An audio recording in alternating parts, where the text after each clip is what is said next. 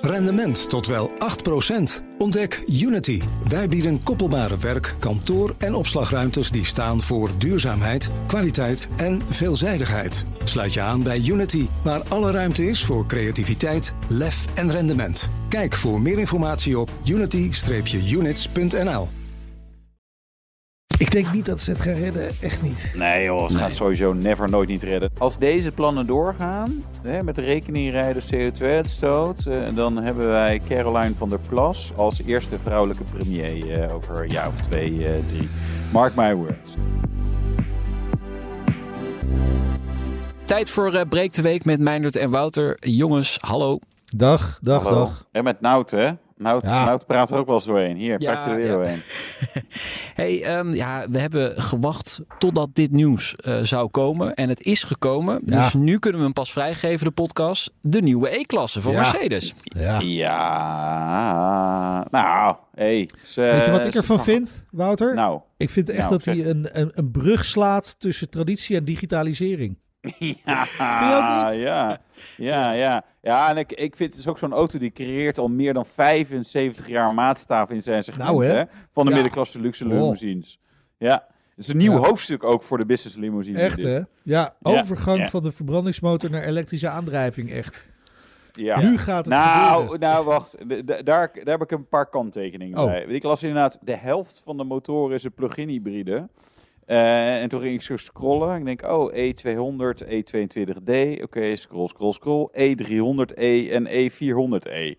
Dus oké, je hebt verkondigd vier motoren aan. Een benzine, een diesel en twee plug-in hybrids. Maar die plug-in hybrids zijn eigenlijk gewoon dezelfde eh, motor. Maar de Ja. een heeft eh, eh, 50, nee, sorry, 48 pk meer dan de ander.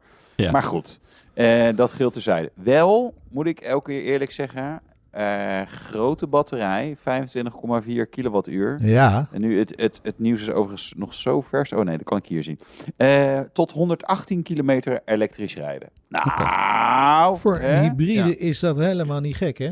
Nee, hè? helemaal niet gek. Toch? En, en wat fijn is, want ik, ik, ik kreeg wel wat eh, verontrustende geluiden, zeg maar zo, van Mercedes-rijders.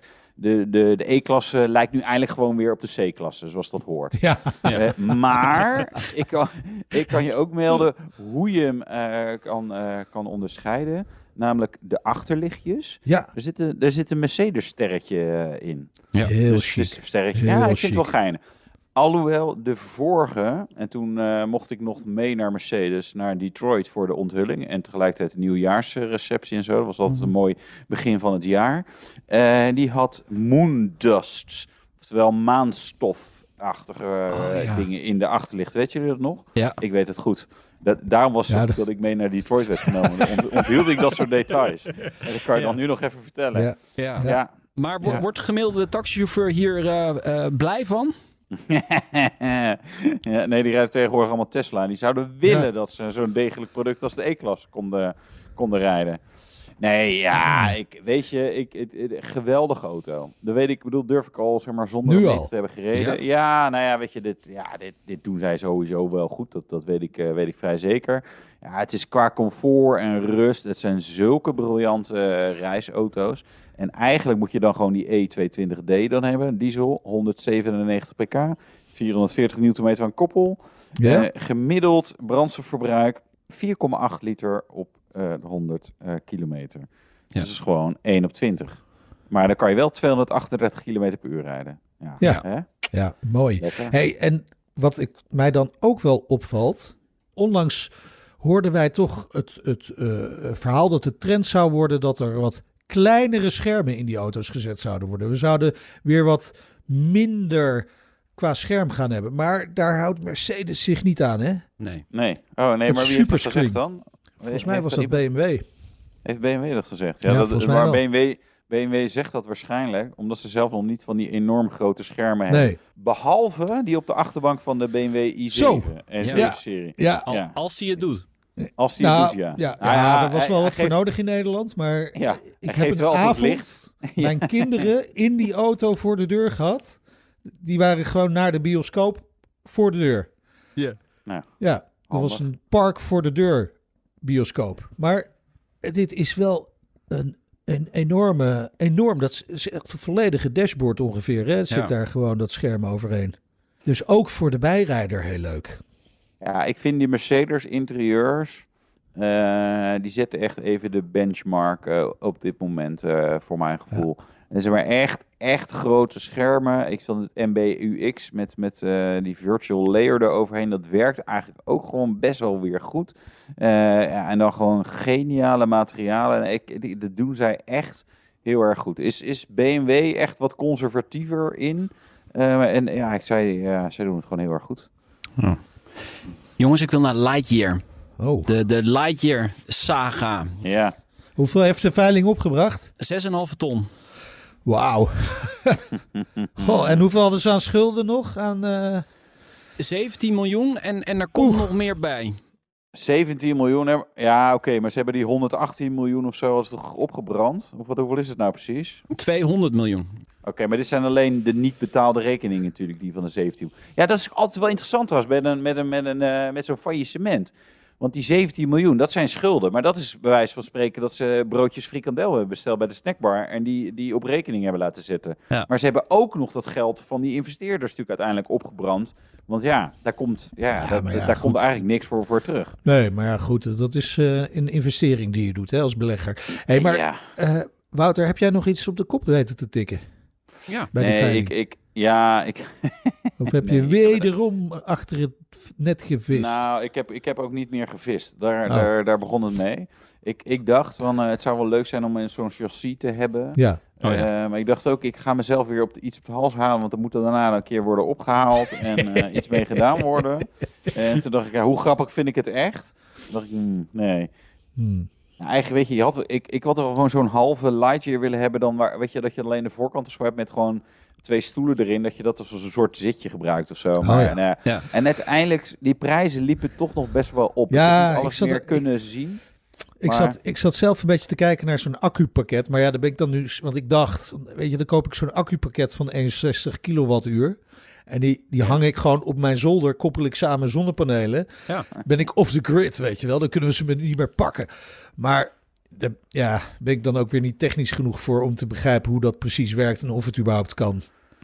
Maar had ik nog wel leuk gevonden. Maar- Tuurlijk kan het. Je, je moet er wat elektronica bij hebben, een omvormer Ja. en dat soort dingen. Ja. En, en, Ja. en, eh, Ja. Maar waarschijnlijk kan het inderdaad wel, eh, kan dit wel. Ja, want dan, Dus, dan eh, is het wel redelijk goedkoop, zo'n accupakket van eh, Lightyear. Ja. Nou, ik zag dat een van die pakketten ging voor bijna 50.000 euro. Ja, maar moet je nagaan, als, als je, dat is 61 kilowattuur. Hè? Als jij Ja. gewoon een accu voor thuis van 10 kilowattuur koopt, dan is dat 7 tot 8000 euro op dit moment. Oké. Dat is 10, hè? Dus keer 6. Nou ja, gaat hard hoor.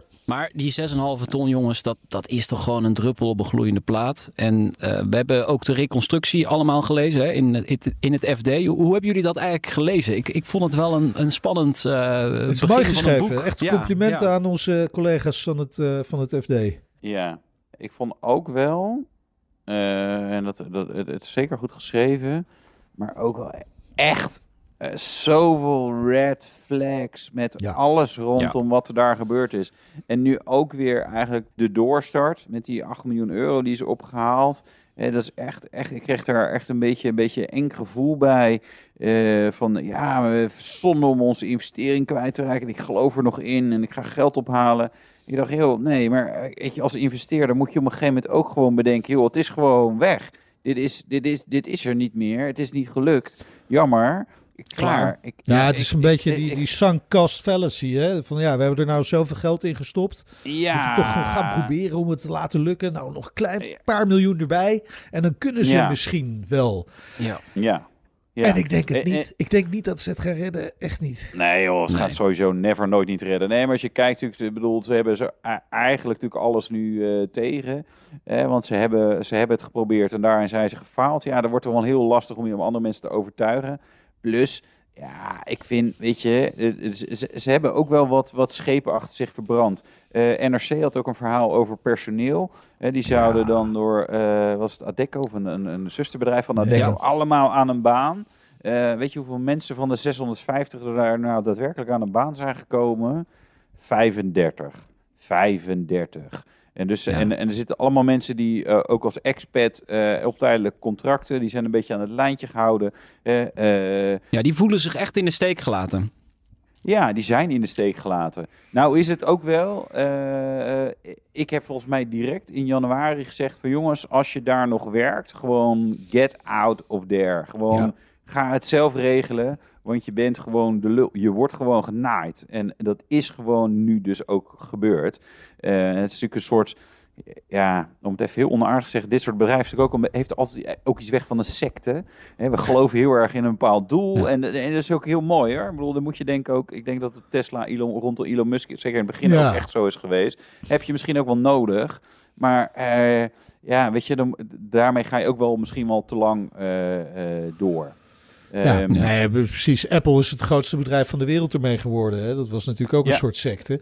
Ja. Dus je hebt het inderdaad, denk ik, misschien wel nodig ergens. Maar eh, over die red flags, het, vooral de onervarenheid die er vanaf droop van, van, van eh, de leidinggevende toch. Hè? Ja. Eh, dat ze toch te weinig ervaring om zich heen hebben geduld. En, en daardoor toch wel wat, wat, wat eh, missers maken. Ja, Ja, en ik, Ja. vond het toch ook heel opmerkelijk te lezen dat VDL best wel dicht bij een grote investering was in, in Lightyear. Ja, ik zou bijna zeggen, thank God dat ze dat niet hebben gedaan. Eh, de- nee, maar dat was, nou ja, nee, twee dingen wil ik erover zeggen. Eerst was, ik vond dat ook een red flag, dat ik dacht, ja, dit voelt ook als een soort piramidespel. Hè, want uiteindelijk wilden zij een deel van het geld van eh, VDL gebruiken om dan zeg maar andere schulden, hè, de 17 miljoen die, eh, waar net aan werd gerefereerd, Ja. te voldoen. Ja, weet je, dat is dus zeg maar met de ene investeerder, de andere investeerder en andere rekeningen, zeg maar, soort, eh, soort zoet houden. Dat is, dat is gewoon niet oké. Eh, en ja, weet je, 150 miljoen van, van VDL, zeg maar, dat, die ze dan eh, voor het klaarmaken van de productie wilden uitgeven. Ja, ik weet niet. Ik, het, het voelt met ook het, het verhaal bij Valmet, wat natuurlijk ook gewoon uiteindelijk niet gelukt is. Die auto Nee. veel te duur om te maken. Uiteindelijk zijn ze, weet je wel, dus ze hebben nog steeds die typegoedkeuring niet. Eh, ja, dan ga je wel heel ver ook, hè, als VDL om, om aan die netcarfabriek eh, gevuld te houden met een nogal onzekere uitkomst. Hè, Ja. Want ja, weet je, ervaringen uit het verleden zijn niet altijd maatgevend voor de toekomst.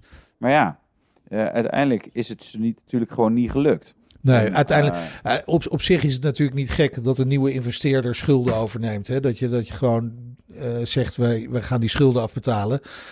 Want dan kan je de rest van je investering, als die hoog genoeg is, kan ook beter renderen natuurlijk. Dus dat gebeurt wel vaker. Maar ik vind vooral de, de grote red flag is dat, dat VDL het uiteindelijk gewoon niet zag, zich, zag zitten. Ja, en dan is het Nee. snel klaar natuurlijk. Ja, ze wilden Ja. niet als pinpas gebruikt worden. Dat is wel duidelijk. Nee, nee, dat, dat, dat gevoel bleef heel erg hangen. Ik, ik wil nog even naar een heel ander onderwerp. Rekeningrijden. Er komen extra klimaatmaatregelen. En één daarvan zou kunnen zijn dat rekeningrijden eerder wordt ingevoerd dan 2030. Wat op zich al niet heel erg ambitieus was. Maar mogelijk twee tot drie jaar eerder. En dan zou het gekoppeld worden aan de CO2-uitstoot, de kilometerprijs. Ja. Jongens, is, is Ja. dat de oplossing? Ja, nou, start hier eerst die lachband. Ja. Maar, eh, nee. Ja. Nee, nou even, heel serieus. Ja. Dit, is, dit is van al die klimaatplannen die ze hebben gebracht hè, uit dat, dat IBO, dat interdepartementaal eh, eh, overleg. Is dit het eerste waarvan ik denk, dit kan in theorie werken. Alleen in de praktijk gaat het natuurlijk niet werken. En dat is het grote probleem met dit plan, dat het veel te snel komt. Hoe ga je dit doen? Eh, hoeveel miljard moet de overheid hierin steken om dit voor elkaar te krijgen? Dat gaan ze dus ook niet terugverdienen. Ik, ja, eh, maar weet je, op zich in de basis, als je het gewoon als idee bekijkt, rekening rijden mede op basis van een CO2-uitstoot, dat is eigenlijk een gek idee. Nou ja, weet je, eh, vergelijk de CO2-uitstoot van een, nou hadden het net, de E-klasse plug hybrid. Hè? En dan doe je zo'n eh, eh, E, E400E, een lekkere dikke. Eh, die stekker je vervolgens nooit. Eh, maar de CO2-uitstoot is, is, is, papier 29 gram of 11 Nee, gram of zo. Dat, Versus, eh, daarom, precies, daarom ja. maakt het het ook lastig. Hè? En, en ik zie ook de, denk ik ook aan de glorieuze terugkeer van de diesel. Hè? Tenzij, alleen je mag de steden er niet mee in. Maar wat dat betreft, als het gekoppeld is aan diesel of aan de CO2-uitstoot, dan zou je gewoon weer diesel willen gaan rijden.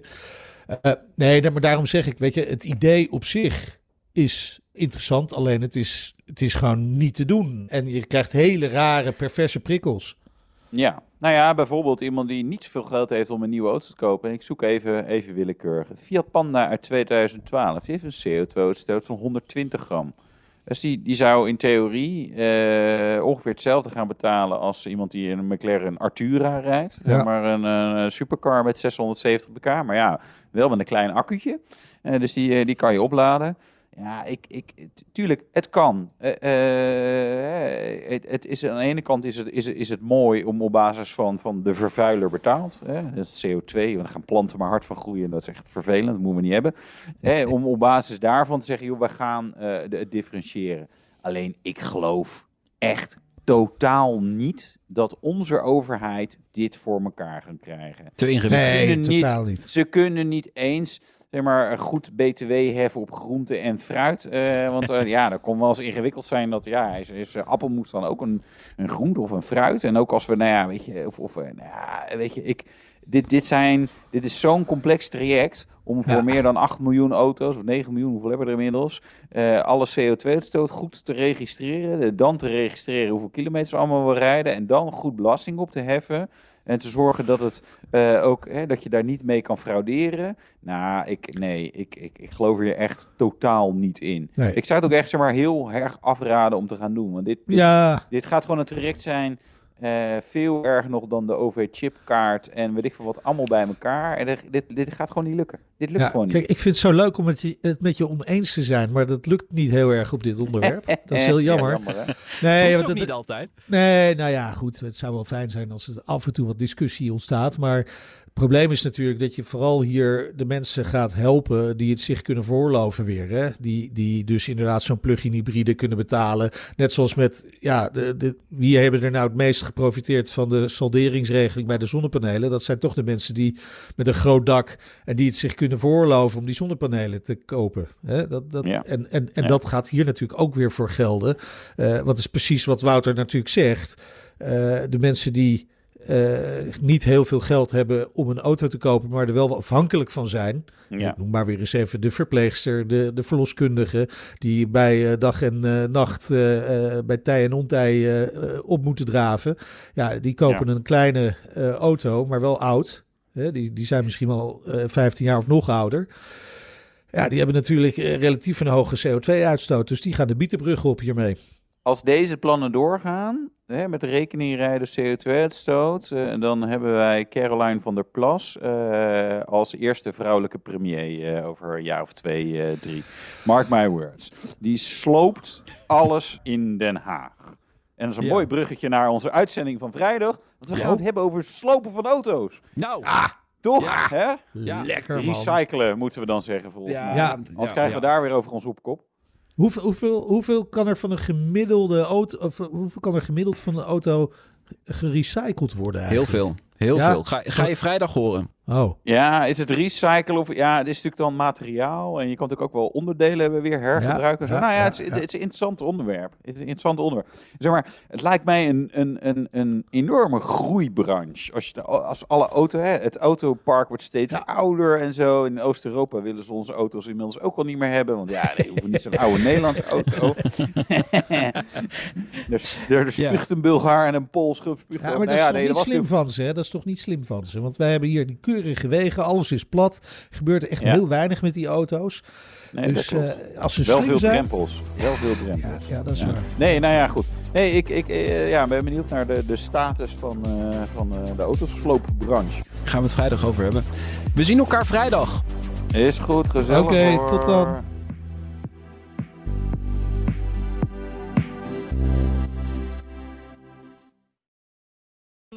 Tot wel 8%. Ontdek Unity. Wij bieden koppelbare werk, kantoor en opslagruimtes die staan voor duurzaamheid, kwaliteit en veelzijdigheid. Sluit je aan bij Unity, waar alle ruimte is voor creativiteit, lef en rendement. Kijk voor meer informatie op unity-units.nl.